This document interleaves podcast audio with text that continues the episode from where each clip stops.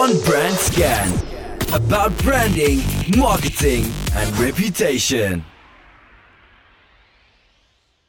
Welkom bij alweer een nieuwe aflevering van On Brand Scan.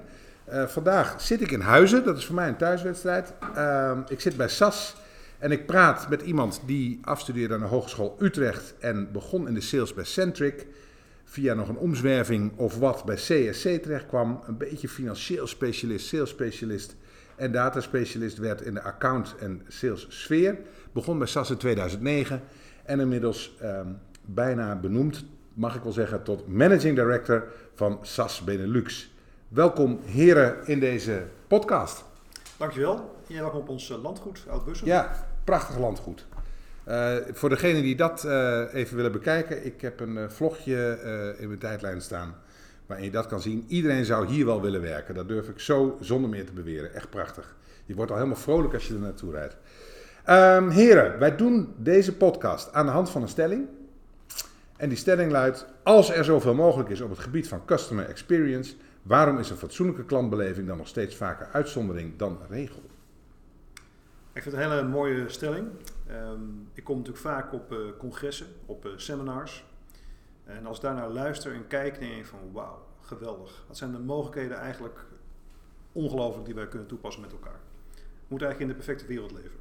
Als dan volgens thuis kom en ik ben zelf weer consument en ik sta aan de andere kant van, van de lijn, dan valt me toch nog vaak heel erg tegen wat ik eigenlijk aangeboden krijg uh, via de, de, online winkels. Helemaal als je weet wat er mogelijk is waarschijnlijk. Dat klopt inderdaad. Ja. Er zit een enorm uh, gat tussen. En um, ja, mijn uh, eigen mening is eigenlijk, of conclusie dat we eigenlijk veel te veel hebben geconcentreerd op technologie. Als zeg maar het enige wat daarvoor belangrijk is. want technologie is een van de zaken die in de mix zou moeten zitten. Dat heeft te maken met hoe je als bedrijf denk, bent georganiseerd en welke cultuur je hebt. Uh, nogmaals, technologie heeft een enorm bo bovenrol uh, gespeeld, maar is niet het enige om zeg maar, te komen tot een ultieme klantbeleving. Daar is meer voor nodig. En uh, dat zullen we de komende jaren met elkaar moeten gaan, gaan aanpakken om echt te komen tot die ultieme klantbeleving. En waarom duurt dat zo lang? Want we zijn toch al een tijdje onderweg met, laat ik het zeggen, digitale online klantbeleving, internetbeleving. We zijn bijna 30 jaar klaar nu. Je zou zeggen, nou, nu moet het toch wel een keer allemaal helemaal perfect zijn. Maar zo werkt het dus niet. Ja, we praten denk ik al, al 10, 15 jaar over 360 graden klantbeeld, ja. uh, omnichannel, uh, al ja. die mooie termen komen voorbij. Uh, we praten over big data, we praten over IoT-data. Kortom, er wordt steeds meer informatie en data verzameld. De vraag is alleen even, in hoeverre zijn bedrijven nou echt in staat om al die data om te zetten tot informatie en ook tot besluiten, waarmee je echt een decision kan nemen in een, in een, in een interactie met een van jouw klanten. Ik denk dat daar nog een probleem zit. En dat is niet alleen, een, uh, niet alleen een technologieprobleem, want dat kan heel erg veel. Maar het heeft ook gewoon te maken met hoe je als bedrijf bent ingericht. En stel dat jij een compleet nieuw technologieplatform naar binnen rijdt bij jouw organisatie, maar niet nadenkt over de processen en over de mensen die in dat proces zitten, dan zal denk ik de uitkomst niet heel veel anders gaan worden. Oftewel, technologie is niet het enige. Technologie is wel vaak het makkelijkst, het meest tastbare, het eenvoudigst, tussen haakjes, in te regelen ten opzichte van de andere zaken die heel erg belangrijk zijn. Ja, uh, nu we het dan toch over hebben, heel even kort, wat doet SAS? Ja, SAS is een bedrijf dat al 43 jaar bestaat. Wij uh, maken oplossingen voor data-analyse. Tegenwoordig praten we vaak over data science, analytics, AI, machine learning, de buzzwords. Heet data-analyse op basis van statistiek. We helpen eigen klanten om zeg maar, hun klanten online een betere beleving uh, te geven. We helpen onder andere de Belastingdienst om uh, onze vooringevulde belastingaangifte te kunnen doen. Maar bijvoorbeeld ook een aantal banken en verzekeraars om fraude tegen te gaan. Dus overal waar data en data analytics een rol speelt, is SAS eigenlijk een partij die daar een oplossing voor, uh, voor levert. Ja. Hebben jullie als bedrijf daar een visie op, een mening over, hoe je daarmee om moet gaan met data? Of is het gewoon, wij hebben een lekker platform en we leveren en we doen wat ons gevraagd wordt? Nou, wat ik heel belangrijk vind is dat, zeg maar, dat zie je eigenlijk dit jaar meer en meer opkomen, is de ethische kant van, uh, van data. En ik denk dat uh, ethiek kan je niet vastleggen en beschrijven. Ethiek is iets wat zeg maar, wij gezamenlijk, jij en ik tussen elkaar, maar ook onze klanten en leveranciers en de maatschappij met elkaar moeten bediscussiëren doorlopend. Dus wat ik heel belangrijk vind, wij onze klanten inderdaad een platform aanbieden, een technologieplatform. We hun eigenlijk de mogelijkheden geven om dat discussie te kunnen starten en te kunnen voeren. En die discussie is één ding randvoorwaardelijk, dat is transparantie. Wat is mijn data? Wat is daarmee gebeurd? Waar is het opgeslagen? Welke besluiten zijn daarover genomen? Die transparantie vinden wij als SAS ongelooflijk belangrijk om nogmaals onze klanten en hun klanten de mogelijkheid te geven met elkaar een goede discussie te kunnen voeren over data. Wat is ethisch en wat kunnen we daar verder mee, mee doen? Als ik even naar die ethiek ga, uh, dan is het, het, tegenwoordig steeds meer in opspraak. Is, uh, natuurlijk Google, natuurlijk, maar die zijn eigenlijk niet in, echt in opspraak. Maar we zitten toch wel steeds argwanender naar die club te kijken, denk ik. als mensheid. En Facebook is gewoon keihard een opspraak de hele tijd. Die maakt er een, een bende van eh, als ik als consument naar kijk. En, en hoe, hoe, kijken jullie daar dan tegenaan? Wat, nou, wat gaat daar mis? Ik denk dat er misgaat, en ik zal er vooral als persoon op, op reageren, is denk ik dat er een paar dingen ook goed zijn aan, aan het debakel van Facebook. Dat is in ieder geval de trigger geweest om met elkaar een jaar of elf geleden te starten met een stukje Europese wetgeving genaamd GDPR, om in ieder geval ervoor te zorgen dat consumenten zo goed mogelijk elkaar kunnen beschermen. Waar wel de kanttekening is dat uh, over het algemeen wetgeving naar achter kijkt, naar zaken die al zijn gebeurd. En dat proberen te voorkomen en veel minder voorwaarts kijkt, om eigenlijk in de toekomst te kunnen anticiperen.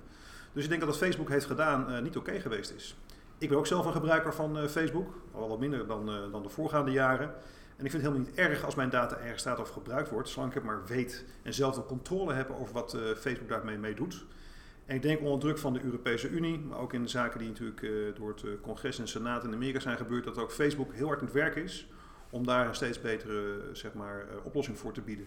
Consumenten eigenlijk in controle te brengen van hun eigen data. Oké, uh, dat in controle brengen, oké, okay, maar voor de meeste consumenten zal dat lastig zijn, want dan moet je ook eerlijk gezegd best een beetje handig voor zijn. dat moet je een beetje snappen. Um, in, in, in hoeverre zie je uh, andere branches die jullie spullen gebruiken? Uh, ga, ga, is, is daar, is, is, voert integriteit, een, is dat een gespreksonderwerp als jullie met klanten bezig zijn? Is dat een belangrijk gespreksonderwerp? Ja, um, absoluut. Zeker in 2019 en misschien al meer in 2020. Wat ik gewoon heel fijn vind, als ik op een congres kom wat gaat over data en data analytics, dat het voorheen altijd ging over wie maakt het mooiste algoritme, wie heeft de meest fantastische toepassing. Terwijl eigenlijk dit jaar voor het eerst discussie ook meer wordt gevoerd over, is het ethisch? Wat is ethiek? Hoe kunnen we zorgen dat ethiek wordt gewaarborgd binnen onze processen? Dus ik, ik ben daar heel blij mee dat die verandering begint te komen. Ik denk dat het ook ongelooflijk belangrijk is dat we die discussie met elkaar voeren, omdat anders uh, AI, analytics een beetje een stille dood uh, kan sterven, omdat het eigenlijk gewoon verkeerd wordt geïnterpreteerd. En daarbij is ook nog eens een keer dat eigenlijk um, analytics en AI heeft te maken met statistiek. Dat zijn hele complexe algoritmes. Uh, die zelfs voor de meest geleerde mensen op dat vakgebied af en toe moeilijk uit te leggen zijn. Dus hoe gaan we nou eigenlijk zo'n complex iets dermate eenvoudig en uitlegbaar maken dat ook een consument daarmee overweg zou kunnen gaan? Dat is iets wat denk ik veel van onze klanten steeds meer en meer aan het doorvoeren zijn. Hoe kunnen we nou eigenlijk op een verantwoorde wijze, op een transparante wijze data-analyse gebruiken om onze klanten beter van dienst te zijn? Dat is, wel, dat is echt een, een, een speerpunt. Het is, want ik kan me ook voorstellen, je zegt ik wil gewoon data alleen maar gebruiken om nog veel meer klanten binnen te halen. Maar ze zitten ook wel. Want je leert natuurlijk het meest van je eigen klanten. Dat klopt. Hè? En uh, ik denk ook dat, dat consumenten steeds wijzer worden. Hè? Um, maar er zijn ook verschillen. Uh, wat ik tegenwoordig zie, hè, als mensen zeg maar. Heb jij een telefoon, een mobiele telefoon? Ja, tuurlijk. Ja. Uh, heb jij iets van een, uh, van een Google Maps of iets anders wat je ja. gebruikt om, om je locatie te vinden? Waze. Heb ik. Waze. Ja. En als je Waze aanzet, dan weet je meteen waar jij bent, toch? Ja. En daarom heb je eigenlijk impliciet jouw locatie met Waze gedeeld. Ja. Dat is tegenwoordig eigenlijk meer een soort van uh, nou, normaal iets wat we met elkaar doen. Ja. Ik denk tien jaar geleden dat daarover enorm veel discussie in de krant was geweest. Oké, okay, ik zet ik even over na te denken. Ja, ga door. Wat ik even wil aan te geven, wat, wat, de, wat nu normaal is en geaccepteerd, is constant verandering onderhevig. Want wij als consumenten wijzer worden, beter begrijpen waarvoor het nodig is. Uh, maar ook veel meer dingen normaal beginnen te vinden. En uh, op dat gebied zie je bijvoorbeeld Waze, waar jij gewoon meteen je locatie deelt, denk je niet meer over na. Je ziet niet meer als een risico. Je vindt het heel erg fijn, want je krijgt er iets voor terug. Ja. Je weet meteen waar je bent, je hoeft niet te zoeken op die kaart, je kan meteen je route inplannen naar de volgende bestemming en hop, daar ga je. Je krijgt alle file-informatie krijg je boven tafel. Waar komt die file-informatie vandaan? Van andere Waze-gebruikers, die ja. ook hun locatie delen met elkaar. Dus daarmee zie je eigenlijk gewoon dat, dat zeg maar, uh, uh, het delen van informatie over jouw locatie heel normaal begint te worden in een bepaalde context. Um, Waze is natuurlijk heel erg bezig met, uh, met uh, zover ik kan zien, het oplossen van verkeersproblemen. heeft heel veel bestaande klanten, heeft ook nieuwe klanten. Um, de vraag is even, wat doen ze met die informatie? Wordt het alleen voor jou gebruikt om snel van A naar B te komen zonder files? Of gaan ze er ook andere dingen mee doen? En dat is denk ik een, discussie waar je met elkaar heel goed naar moet gaan kijken. Wat is de waarde van jouw data en wat gebeurt daar precies mee? Gaan bedrijven inderdaad wat ze noemen data monetization doen? Bieden ze jou aan de ene kant een dienst aan, zoals Waze, kom snel van A naar B. En aan de andere kant gaan ze eigenlijk uh, aan jouw geld uh, verdienen. Wat helemaal niet verkeerd hoeft te zijn, mits je daar als consument maar gewoon van op de hoogte bent. En ik denk dat we ook uh, met elkaar nu wel op een punt komen waarin we eigenlijk een soort van bijna zelfreinigend mechanisme krijgen. Dat de consument zo verstandig en onderwezen is in deze technologie, dat ze niet meer alles accepteren. dat, Stel je voor, hè, want ik zit er even over na te denken, dat accepteren van die consument. We hebben nu bij, ik, ik noem even een voorbeeld. Bij de Albert Heijn kun je nu zelf scannen. Mm daar gebeurt nog niet zo heel veel mee. In, in, de, in de termen van suggesties of verkoop of sales. Maar ja, ik kan me voorstellen, nee, ik weet, ik zit ook al een beetje in het vak natuurlijk. Ik, ik kan me voorstellen dat, uh, ik heb een guilty pleasure, ik hou van bitterballen met mayonaise. En als ik dan aan het eind ben, dan is vlak voordat ik ga betalen, dan pak ik bitterballen en dat de app zegt, moet je geen mayonaise hebben? Mhm. Dit is een voorspelbaar scenario, toch? Jazeker. Ja. Nou kan ik me voorstellen dat, dat iedereen dat prima vindt, want dat is een service. Ja. Maar stel nou dat ik uh, tegen ORA heb gezegd, jullie mogen mijn scangegevens gebruiken in een onbewaakt moment om mijn premie te bepalen. En daardoor is volgende maand mijn zorgpremie 2 cent duurder. Vind jij dat nou acceptabel? Want ik heb toestemming gegeven, toch? En dit kan, wat ik nu zeg, is toch een scenario wat jij morgen zou kunnen uitrollen? Sterker nog, ik denk dat het al bij uh, bepaalde industrieën uh, gebeurt. Uiteindelijk gaat het erom dat jij als consument bewust moet zijn waar je ja of nee tegen zegt. Iedereen kent wel uh, 30 paginaatjes kleine letters waar je ja tegen moet zeggen voor je ja, gaan met een daar doe ik natuurlijk een beetje op. Heb jij ze ooit gelezen? Nee, natuurlijk niet. Dat doet niemand. Ik ook niet. Nee. Dus daar denk ik echt een verantwoordelijkheid uh, vanuit zeg maar, uh, de bedrijven en de regelgever om te zorgen dat wij gewoon dat soort dingen eenvoudig en simpel maken.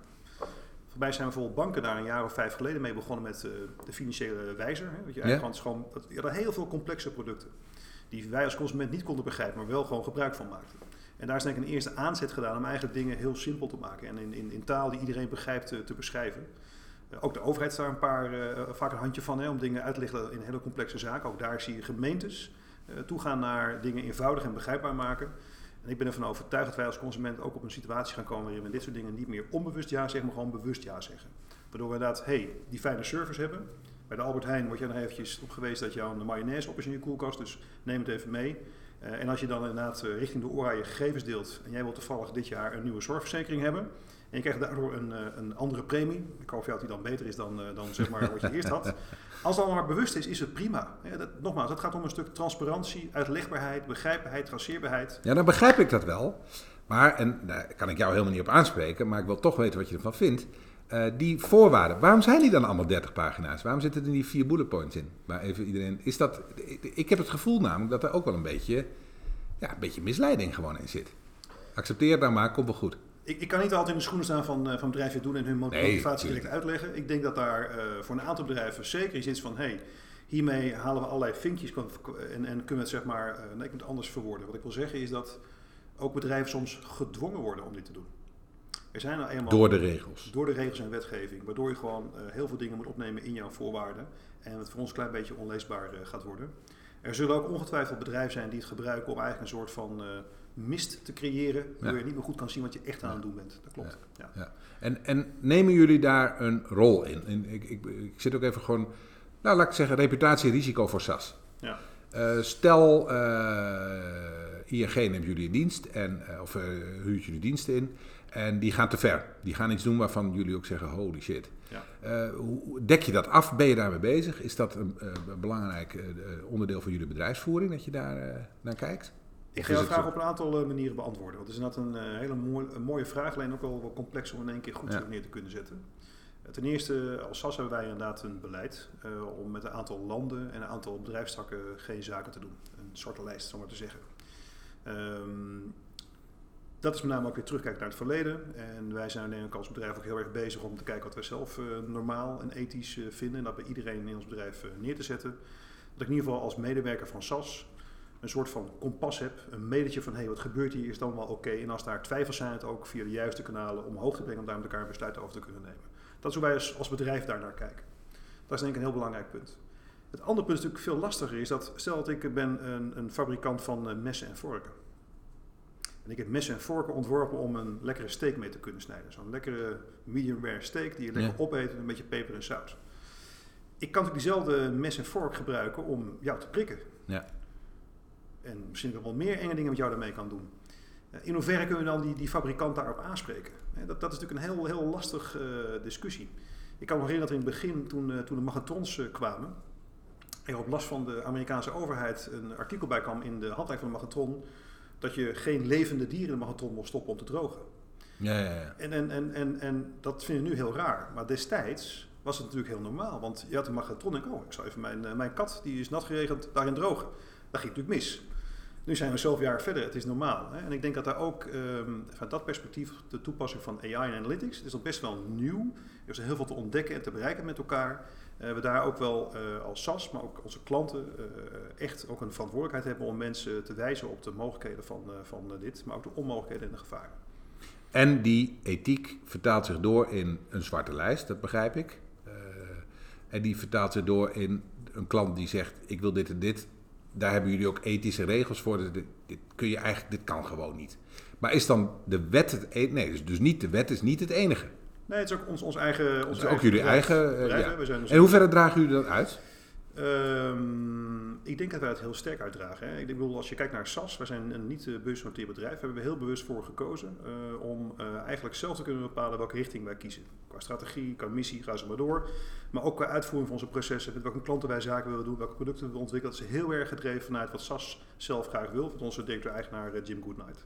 Dat is de ene kant. En de andere kant willen we ook onze klanten helpen om diezelfde keuzes te kunnen maken. En daar komen wij weer terug op een stukje transparantie. Wij leveren natuurlijk technologie, wij leveren een platform voor die klanten. Uh, waar ze heel veel mee kunnen doen. En wat wij zorgen, dat dat platform ook heel veel transparantie meebrengt. Dat zo'n klant altijd kan weten van welke data komt er binnen, wie is daar de eigenaar van, wat heb ik ermee gedaan, welk algoritme is daarop toegepast, welk besluit is er genomen, wat heb ik daarmee gedaan. En die complete transparantie, noemen we dan lineage in een mooi technisch woord, helpt ook onze klanten eigenlijk om op die manier de juiste besluiten te kunnen nemen en uh, die ethische discussie te kunnen voeren. Want nogmaals, ethiek is niet een, een vastomlijnd, het is wel een vastomlijnd begrip. Maar ik denk dat zeg maar, de normen en waarden die daarin zitten aan verandering onderhevig vind, uh, zijn. Weet je, jouw discussie had over waves of ways. Uh, tien jaar geleden delen van je locatie vond je misschien heel eng. Op dit moment denk je helemaal niet over na, doe het gewoon lekker. Dus ja. alle andere miljoenen ways gebruikers die momenteel... Uh, Mits ik er wat voor terugkrijg, ja. Ja, wat krijg je daarvoor ja. terug? Je krijgt ervoor terug dat jij snel van A naar B komt en de files kan, kan zien. Ja. ja. En, en, en de Albert Heijn die straks zegt... Want ik help je nog even wat extra met boodschappen. Dat is op zich prima. En, maar er kunnen zeker nieuwe ethische kwesties gaan ontstaan als partijen gaan samenwerken. Ja, en ik denk dat daar gewoon uh, de opt-in, die we ook heel erg lang kennen al, dat ja. je eigenlijk gewoon uh, bewust toestemming geeft uh, om benaderd te worden. Er zal ook een opt-in zijn voor, voor datadelen. Uiteindelijk komt het erop neer dat je als consument gewoon bewust die keuzes kan maken. En bewust ervoor kiest om een stukje extra service te krijgen. En als jij een extra service krijgt, een toegevoegde waarde, dan is het helemaal niet erg een bedrijf daar ook waarde, aan, of waarde mee creëert en geld aan verdient. Maar het moet wel allemaal bewust gebeuren. Ja. Is, is, is, is, de, is de politiek uh, daar goed mee bezig, in Nederland en Europa? Of, of, lopen die achter of lopen die voor? Snappen ze waar ze mee bezig zijn überhaupt? Dat, dat beangstigt mij namelijk nog wel eens. Heb jij de, de, de interviews gezien van Mark Zuckerberg in Amerika? Uh, ja, de, de, de verhoren bedoel je? Ja. Ja, ik heb stukjes daarvan gezien, ja. ja en soms en één heel vrij groot stuk. En wat vond je daar zelf van? Ja, ik vond het echt... Ik vond het heel erg. Ik dacht echt, jongens, kom op. Dat had ik echt beter gedaan. Ja, ja oké, misschien is dat nog, nog, misschien nog een beetje logisch, maar er, er werden vragen niet en die mensen snapten er gewoon helemaal geen bal van. Nee. Ik denk die mensen daar zaten met de beste intenties. Hè. Dat zijn toch mensen met hoge principes die er echt wel probeerden om daar het onze boven te krijgen, maar gewoon niet de kennis hadden om zeg maar, de juiste vragen te kunnen stellen. En uh, ik ga zeker niet Nederland met Amerika vergelijken. Uh, ik denk dat nogmaals wet en regelgeving is per definitie iets wat naar achter kijkt. Het is heel moeilijk om wetgeving te maken die naar de toekomst kijkt en nieuwe gebeurtenissen. Er zijn denk ik een paar elementen in. Eén is, ben je als regelgever in staat om de materie goed te begrijpen? Dat is denk ik heel erg belangrijk. Dat is lastig. Als je kijkt naar de war on talent, het verkrijgen van goede mensen. Zeker in mijn vakgebied, data scientist is een van de meest schaarse ja. uh, resources in deze wereld. Ja. Dus ook als overheid moet je eigenlijk concurreren met het bedrijfsleven om die mensen binnen te kunnen krijgen. Dat is één. Voor hun lastig om zeg maar, die kennis in huis te kunnen halen van de materie. Dus dat is denk ik iets waar we mee worstelen met elkaar. Uh, het tweede is natuurlijk dat, dat wet en regelgeving uh, meer de vangrails moeten zijn waartussen wij met elkaar aan bewegen zijn. En daarbinnen is dan heel veel speelruimte waar wij als mens, als persoonsbedrijf, onze eigen verantwoordelijkheid moeten pakken. En, uh, dus ik, ik, geloof zeker dat er meer wet en regelgeving aankomt die ons meer helpt om dit onderwerp goed te kunnen reguleren. Ik denk dat het nodig is. Alleen het zal nooit een 100% eh, sluitend verhaal worden waarmee wij als consument altijd 100% beschermd zullen zijn. Er is altijd een verantwoordelijkheid van alle spelers in het veld, ja. de overheid. Want laten we wel zijn, er is zoveel opgeslagen over ons. Ja, dat we, uh, mocht er ooit nog eens een oorlog ontstaan in Europa, dan, uh, dan beginnen ze daar. En dan vraag je wel eens af, oké, is dat wel in goede handen allemaal? Is dat allemaal goed geregeld? Ik, ik moet je heel eerlijk zeggen, dat, dat ik, ik lees eens een keer wat dingen over, over uh, cyberoorlogsvoering en over data stelen en, en over elkaar saboteren. En als ik naar jouw vraag hoor over oorlog, ik heb er heel bewust voor gekozen om dat stuk gewoon niet meer door te lezen. Om daar voor mezelf een stukje schijnveiligheid te kunnen creëren. Maar dat is kop in het zand. dat, is, dat is absoluut een kop in het zand, dus daar kom ik ook 100% voor uit. Waar, waar het denk ik om gaat is dat um, het zijn bijna nutsvoorzieningen geworden. Hè. Dus data, data analytics, IT. Er stond weer een mooi stuk ook in de krant. Eigenlijk alle datacenters in Nederland rondom Amsterdam zijn inmiddels in Amerikaanse handel gekomen. Um, als land, als landen worden we steeds afhankelijker van elkaar. En denk uh, ook gegeven de laatste handelsoorlog tussen China en Amerika, het ook steeds duidelijker maakt dat we daardoor ook heel erg kwetsbaar met elkaar aan, het, aan het worden zijn. Nou ja, er zijn natuurlijk ook klanten, ook van jullie, die zeggen geen data in Amerika waarschijnlijk of zo. Dat soort, dat soort, dat soort eisen zullen er wel komen of komt dat helemaal niet? Of is dat geen issue? Nou, de discussie was een jaar of vier geleden ongelooflijk uh, hard. Dat ging om name in het kader van de Patriot Act, waar eigenlijk Amerika het recht heeft om alle data in, uh, in te kunnen zien. We zijn inmiddels al een paar iteraties verder van, van de wetgeving, maar nog steeds zijn er gewoon klanten die inderdaad heel duidelijk voor kiezen om in ieder geval hun data in Europa te houden. En sinds een anderhalf jaar ook zeggen van nou op het vasteland Europa en niet meer in Engeland. Ja, nou ja, dus dat dus, zijn nieuwe dingen. Ja. Dat zijn absoluut gesprekken die met elkaar heel duidelijk aan het voeren zijn. En, en wij ook als bedrijf ervoor gekozen hebben om naast een datacenter in Amerika, ook gewoon in Azië en in Europa en in uh, Ierland een, uh, een datacenter neer te zetten. Dus klanten zijn er heel bewust mee bezig. Waar zet ik mijn data eigenlijk neer? Ja. Maar ook een staat je aan data in, uh, in Duitsland. Een land met een van de meest strenge wetgevingen ten aanzien van data privacy als er een Europese oorlog ontstaat. Het feit is gewoon dat zeg maar, data en, uh, en IT is gewoon een, uh, een, kritische infrastructuur geworden in, in onze samenleving. Dus is gewoon heel erg kwetsbaar. Ja. Um, even nog een hele andere vraag. Uh, wie zijn eigenlijk jullie concurrenten in Benelux dan, zeg maar? In Benelux? Dat zijn eigenlijk uh, het is heel verschillend. Het is, het is, super interessant. Ik werk al tien jaar bij SAS hè, en, en tot vijf jaar geleden was onze business nou, wel leuk, maar niet heel erg spannend. En de laatste vijf jaar zijn wij nou, een beetje de top of de hype. Ja. Iedereen heeft tegenwoordig wel... De sexy. Het is, ja. ik ben in één keer een hele sexy man geworden. Mijn vrouw vindt het fantastisch. Waar het om gaat is denk ik dat, dat zeg maar, uh, de ontwikkelingen afgelopen jaar heel hard zijn gegaan. En dat betekent dat er ook heel veel uh, kleine start-ups zijn die op een klein gebiedje wat wij doen ook zeg maar, een oplossing uh, bieden. Maar niet het hele portfolio van SAS kunnen aan, aanbieden, maar echt hele niche-spelers zijn. We zien een aantal andere grote softwarebedrijven als een Oracle, een Microsoft en IBM. Eigenlijk allemaal hebben ze een analytics eh, offering tegenwoordig in hun eh, portfolio. En wat ook heel erg interessant is, wat ik zie, is dat eigenlijk heel veel bedrijven ook meer zelf aan het bouwen zijn. Dat is eigenlijk zeggen van, hé, hey, wij willen graag een engineering mentaliteit hebben. Wij willen zeg maar engineers in dienst nemen en willen dingen zelf gaan bouwen. Beetje every company is een IT company. Dat inderdaad, ja. Dus we hebben eigenlijk een beetje dus een, een concurrentie van uh, verschillende kleinere spelers en een aantal gevestigde spelers. En onze klanten die uh, elke keer bewuste keuze maken van... hey, ga ik bepaalde software inkopen of ga ik het zelf bouwen? En uh, dat is een hele interessante discussie. En met name in het zelfbouwen scenario zie ik ook heel veel gebruik worden gemaakt van open source.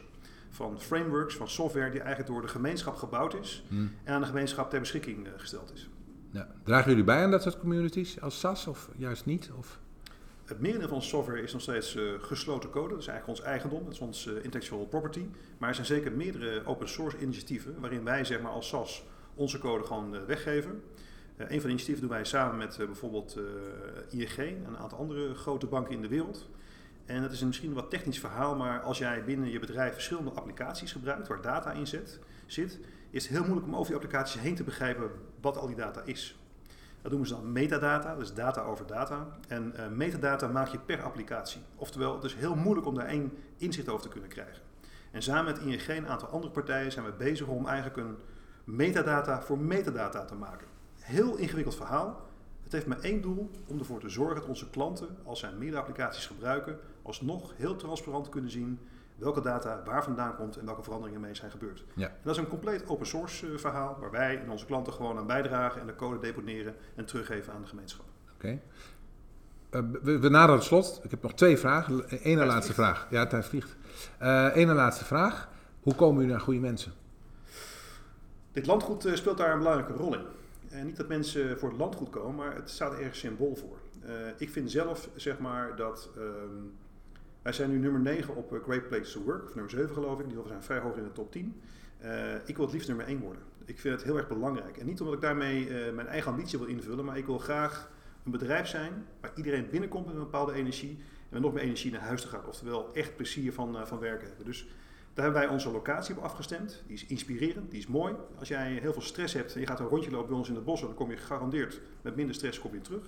We hebben hele goede arbeidsvoorwaarden in dit bedrijf neergezet.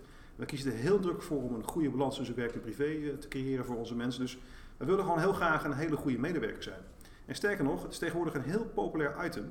Maar onze directeur-eigenaar, Jim Goodnight, heeft ooit gezegd: Happy employees makes happy customers.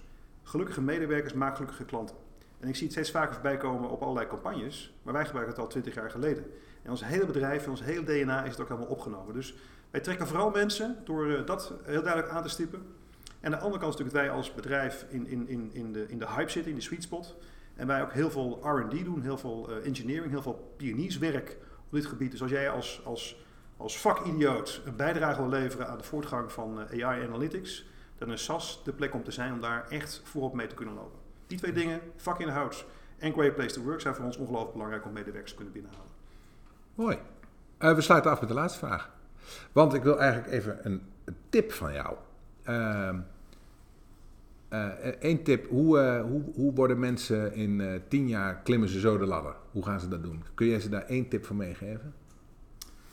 Um, ik heb het vooral gedaan door heel erg dicht bij mezelf te blijven. heel erg mezelf te zijn. En mezelf zijn betekent gewoon dat ik een uitdaging niet uit de weg ga. Ik heb als mensen die tegen mij, bij me langskomen en dan tegen mij zeggen van het is moeilijk of onmogelijk.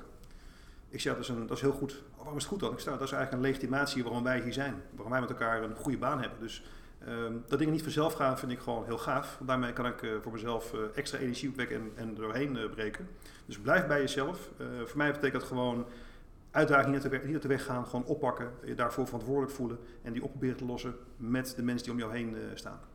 Oké. Mag ik jou heel erg bedanken voor dit enorm leuke gesprek. Dankjewel voor je tijd. Leuk dat je hier was. We naderen alweer bijna het einde van de eerste serie van 10 in On-Brand Scan. En uh, er komen er natuurlijk nog veel meer, maak je geen zorgen. Uh, dit was een leuk gesprek over landgoederen en data. Nou ja, mooie combinatie toch? Heb je je nou nog niet geabonneerd? Doe dat dan. We zitten op alle goede kanalen. Uh, heb je Spotify? Doe het daar dan gewoon. En like ons op de sociale media. Hey, tot de volgende keer maar weer.